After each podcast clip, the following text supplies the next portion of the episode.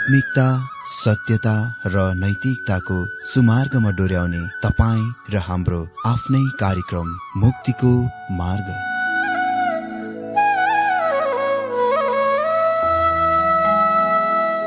आदरणीय श्रोता यस मुक्तिको मार्ग कार्यक्रममा हार्दिक स्वागत छ। आशा छ यस आत्मिक कार्यक्रमद्वारा जीवनमा आत्मिक आशिष अलौकिक शान्ति र आनन्द प्राप्त गर्नुहुनेछ। र जीवनमा धन्य अनुभव गर्नुहुनेछ। आउनुहोस् श्रोता। मन र आत्माको तयारीको लागि यो मिठो अनि मधुर भजन गीत सुनौ।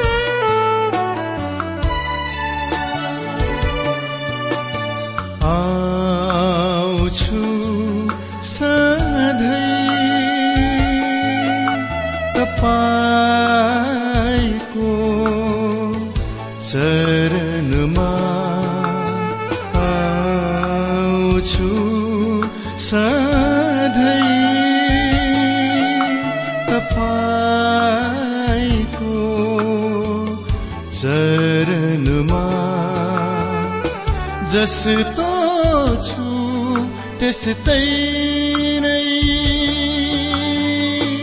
आएको छु।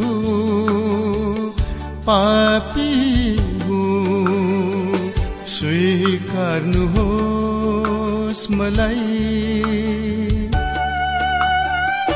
स्वीकार्नुहोस् मलाई।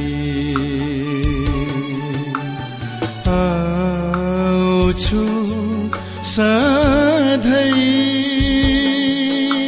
तपाईँको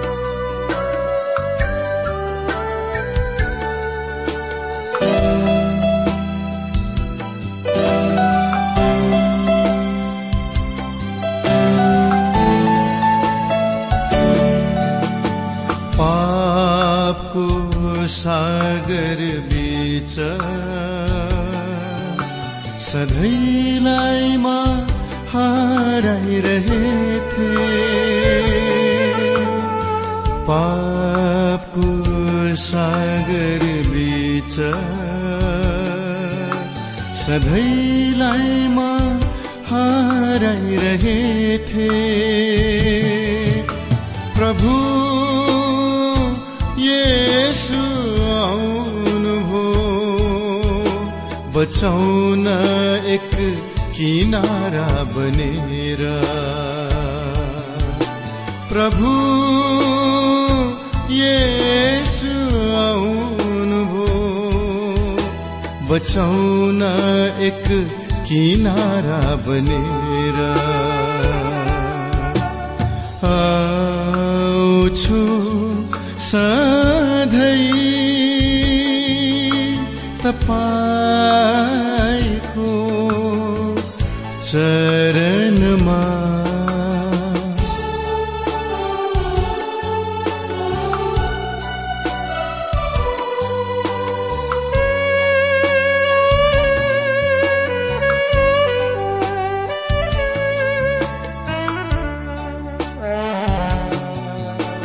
मरिनु भो यसु तपाईँ। निर्दोष श्रापित क्रुसमा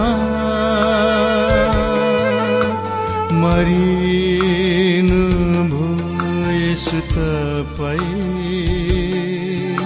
निर्दोष श्रापित क्रुसमा श्राप मेट्नलाई पापीलाई जीवन दान दिनलाई श्राप मेट्नलाई पापीलाई जीवन दान दिनलाई आउँछु सधैँ तपाईँको चरणमा आउँछु सधैँ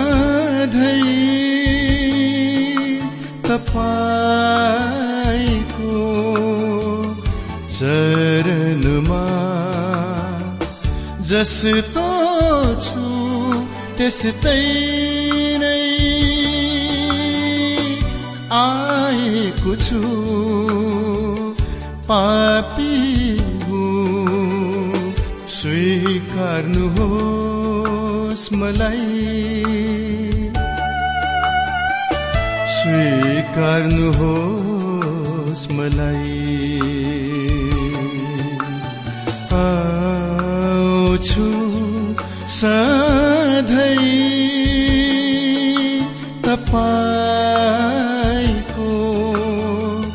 चरणमा चरणमा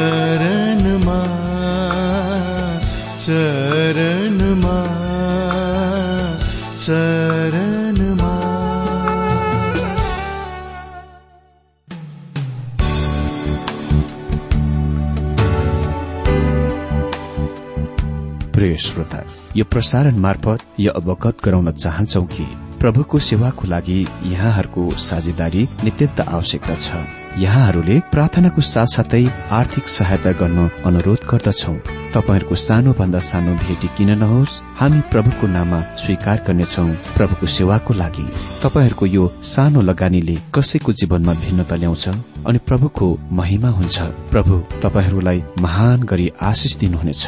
इच्छुक श्रोताहरूले तपाईँको इच्छा भेटी हाम्रो ठेगानामा पठाउन सक्नुहुन्छ जुन ठेगाना हामी कार्यक्रमको अन्तमा दिनेछौ। प्रिय श्रोता मित्र प्रभु येशु ख्रिस्टको मधुर अनि सामर्थ्य नाममा मेरो जयमसी साथै हार्दिक स्वागत छ आजको यो बाइबल अध्ययन कार्यक्रममा। श्रोता अघिल्लो दिनमा हामीले आमोस एक अध्यय एकदेखि पाँच पदबाट आराम राष्ट्रमाथि परमेश्वरको दण्ड विषयबाट बाइबल अध्ययन गरिरहेका थियौं।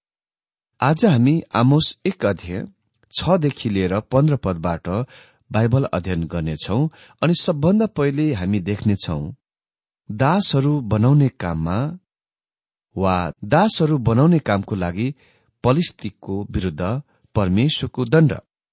आउनुहोस् आमोस एक अध्यय छ र सात अनि आठ हेरौं। यहाँ यस प्रकार लेखिएको छ परमप्रभु यसो भन्नुहुन्छ गाजाका ती पापहरू अथवा चारैवटा पापहरूको कारण म मेरो क्रोध हटाउने छैन। त्यस्तै सम्पूर्ण समुदायलाई एदमको हातमा सुम्पिदिनलाई कैद गरेर लग्यो। म गाजाका पर्खालहरूमा आगो पठाइदिनेछु र त्यसले त्यसका किल्लाहरू भस्म पार्नेछ। म अस्तोदको राजालाई र अस्कलोनको राजदण्ड लिनेलाई सर्वनाश पार्नेछु। म एक्रोनको विरूद्धमा मेरो हात चलाउनेछु। जबसम्म पलिस्तीहरू आखिरीसम्म मर्ने छैनन्। परमप्रभु परमेश्वर भन्नुहुन्छ मित्र यहाँ लेखिएको छ गाजका अपराधको कारणले गर्दा। गाजाका ती पापहरू अथवा चारैवटा पापहरूको कारण। मित्र गाजा चाहिँ पलिस्तिनमा थियो वा पलिस्तिन साम्राज्यमा थियो र पलिस्तिनहरूको विरूद्ध दण्डको कारण चाहिँ तिनीहरूले दासहरू बनाउने कुरा थियो। तिनीहरूले इसरायलीहरूलाई कब्जा गरे र तिनीहरूले ती इसरायलीहरूलाई एदोममा दासत्वमा बेचे।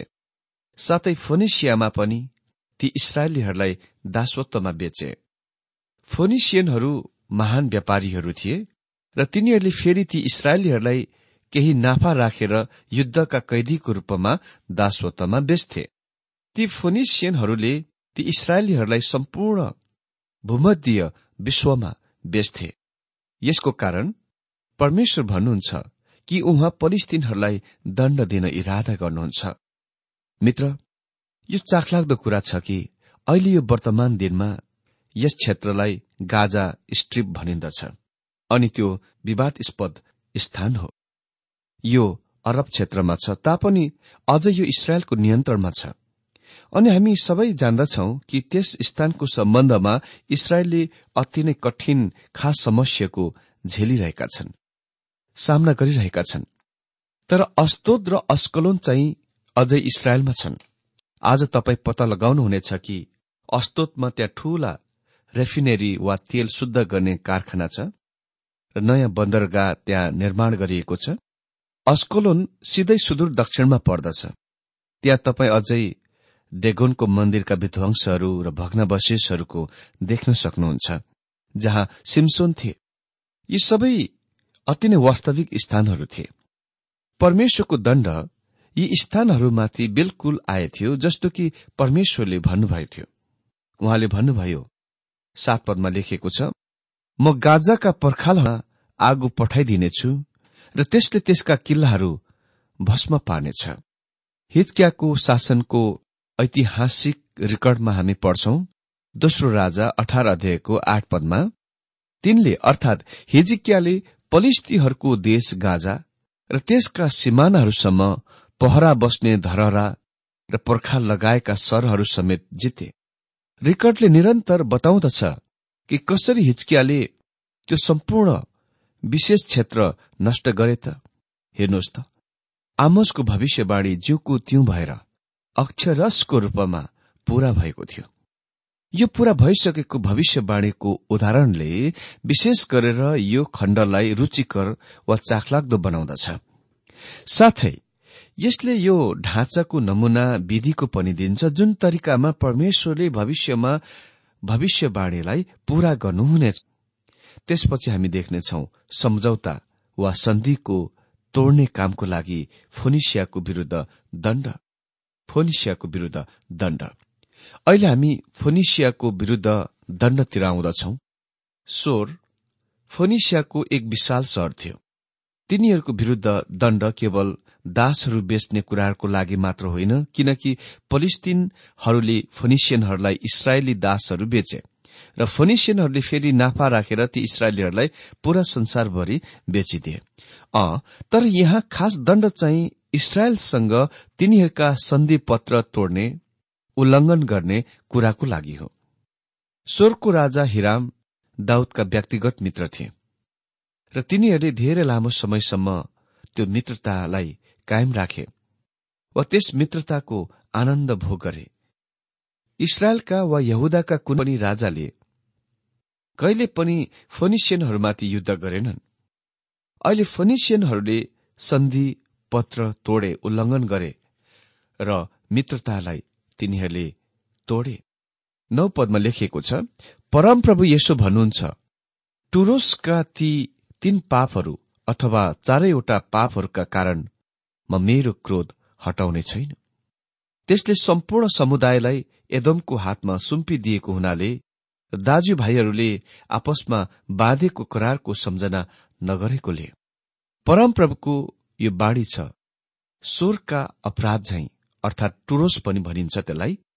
टुरोसको अपराधैको कारणले गर्दा टुरोसका तीन पापहरू अथवा चारैवटा पापहरूको कारण यसको मतलब तिनीहरूले परमको दृष्टिमा धेरै अपराधहरू गरे।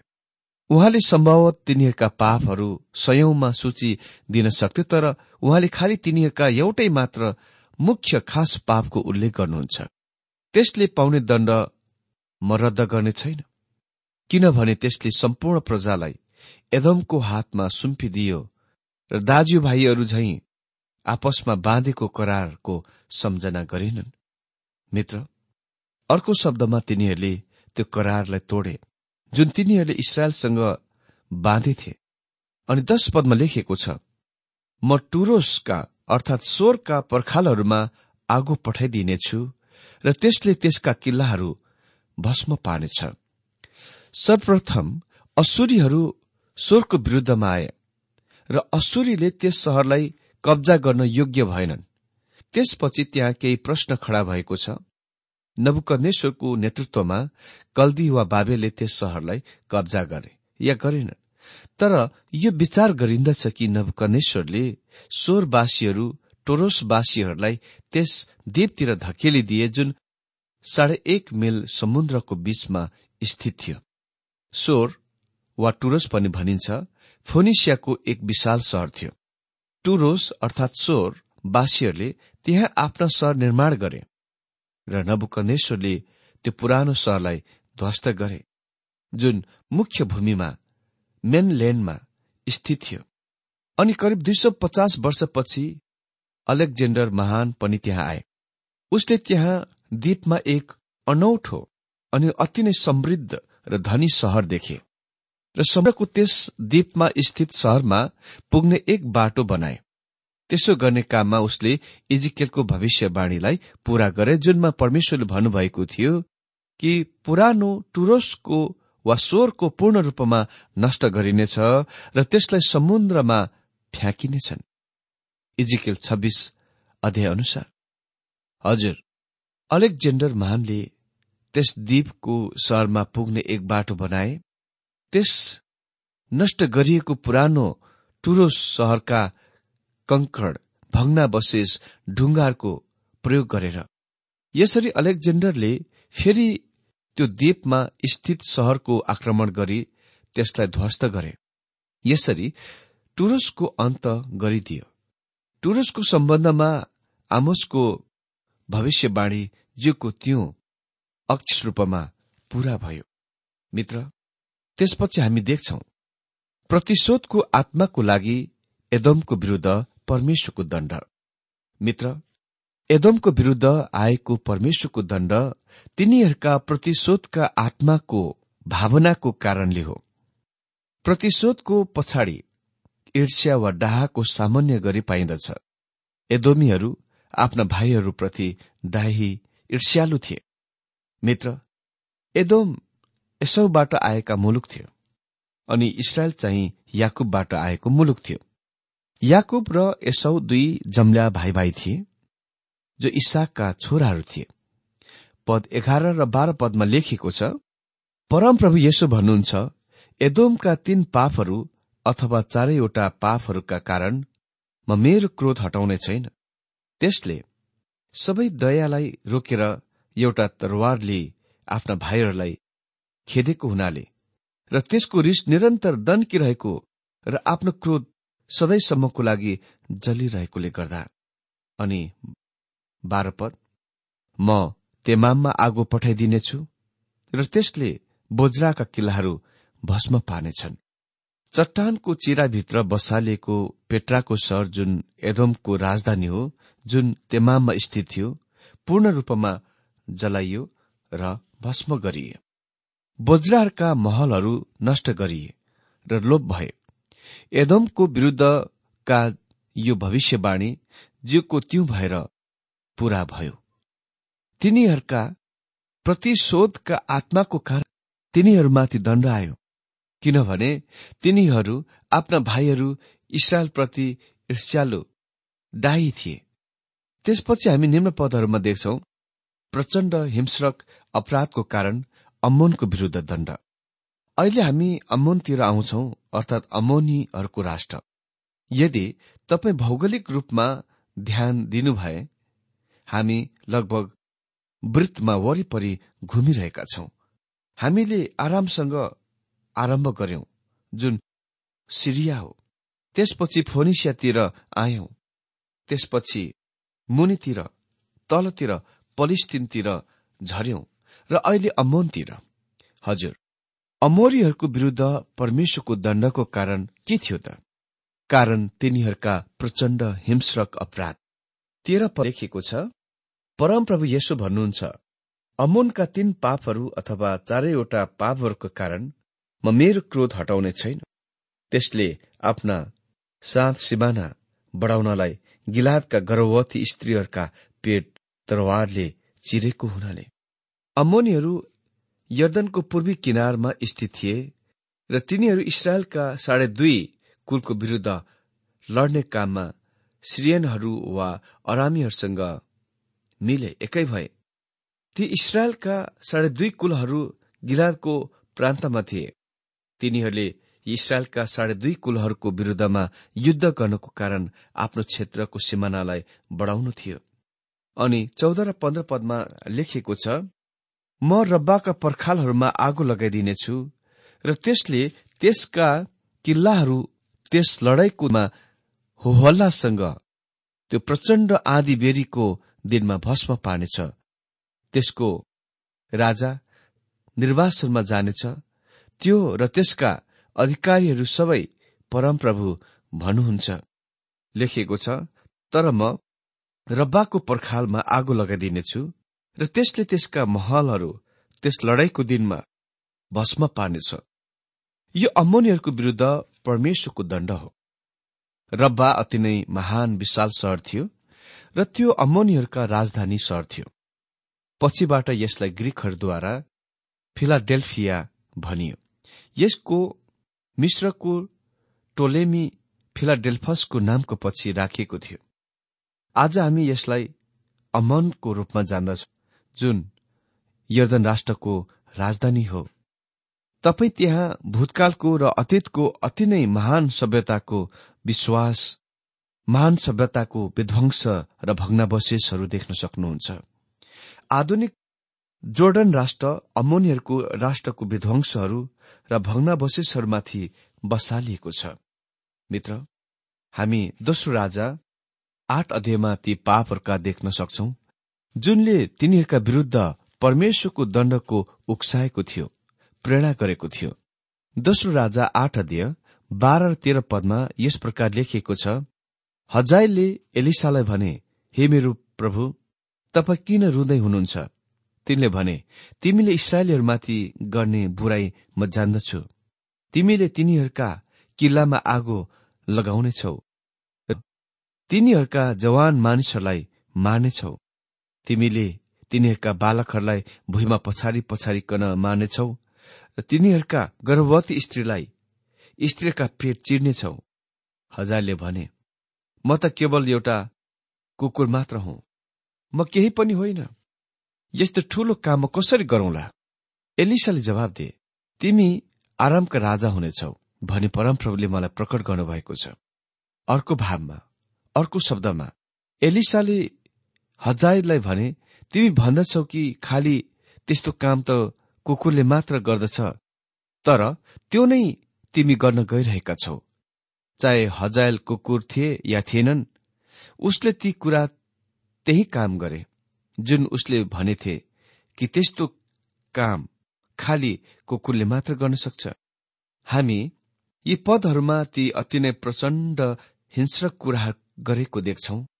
जुन उसले इसरायलका राष्ट्र वा इसरायलका सन्तानहरूसँग गरेथे उसले तिनीहरूका बच्चाहरूलाई भुइँमा पछाड्न र तिनीहरूका गर्भवती स्त्रीहरूका पेट चिर्न गइरहेका थिए। यो अति नै भयानक निर्दय कुरा थियो अनि यो नै अपराधको कारण परमेश्वरले अमोनीहरूलाई दण्ड दिनुहुने थियो। परमेश्वर आफ्नो वचन अध्ययनद्वारा हरेकलाई धेरै आशिष दिनुभएको होस्। Thank you.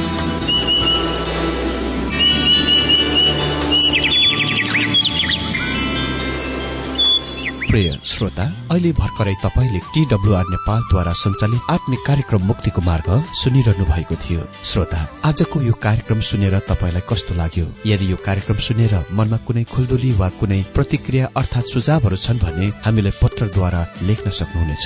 हामी हृदयदेखि नै स्वागत गर्नेछौ स्वीकार गर्नेछौ साथै बाइबल सम्बन्धित प्रचारहरू कार्यक्रम सारणीहरू हामी अनुरोधमा पठाउन सक्छौ। अनि तपाईँसँग कुनै प्रार्थनाको विषय छन् भने हामीले तपाईँको लागि प्रार्थना गरेको चाहनुहुन्छ। हुनुहुन्छ भने प्रभुमा आफ्नै परिवार सम्झेर हामीलाई पत्रमा लेख्न सक्नुहुनेछ।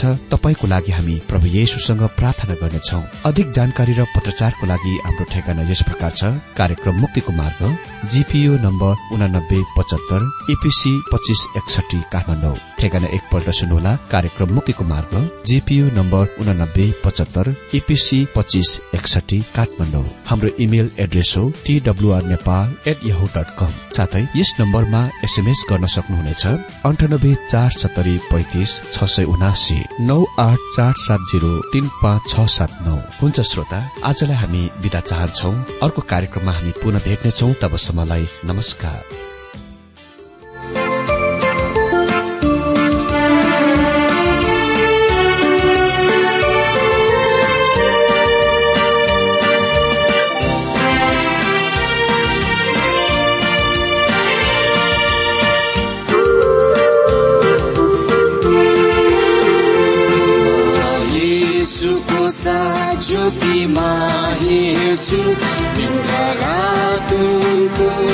पछि म हेर्नेछु पछि हेर्नेछु जय पाउनेछु यसो ख्रिस मेरो बलिदान। हिँड्दै हिँड्दै ज्योतिमा यसुको साथ। हिँड्दै हिँड्दै समात्छु यसुको हात। ज्योतिमा हिँड्नेछु जय पाउनेछु यसो ख्रिस मेरो बलिदान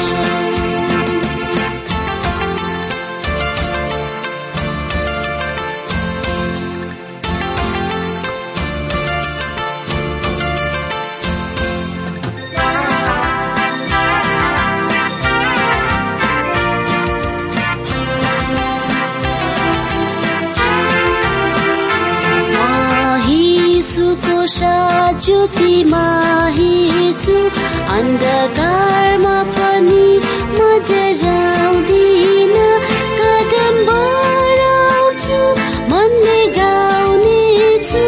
यीशु ख्रिस मेरो बलिदान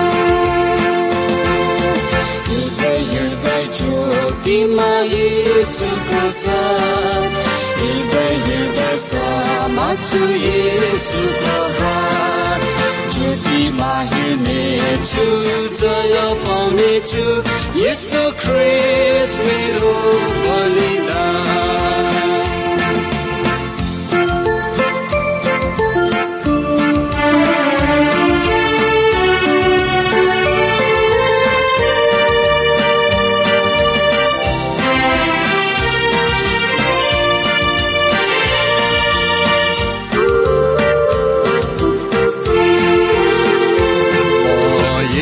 यसुको साथ ज्योतिमा हेर्छु। हेर्दा हेर्दै सब दिन गुहार पाउनेछु। सो क्या खुसी होस् नजिक छन् मेरो। यसु ख्रिस मेरो बलिदान।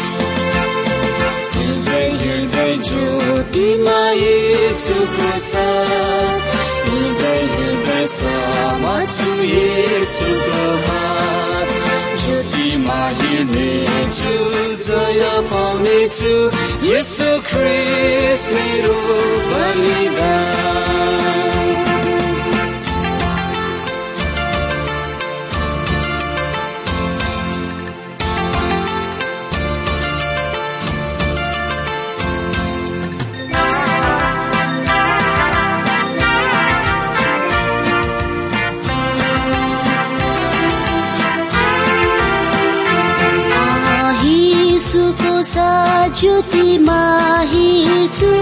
आफ्नो आँखा उनमा म लगाउनेछु हातमा छन् क्रुस झन्डा छन् अद्भुत।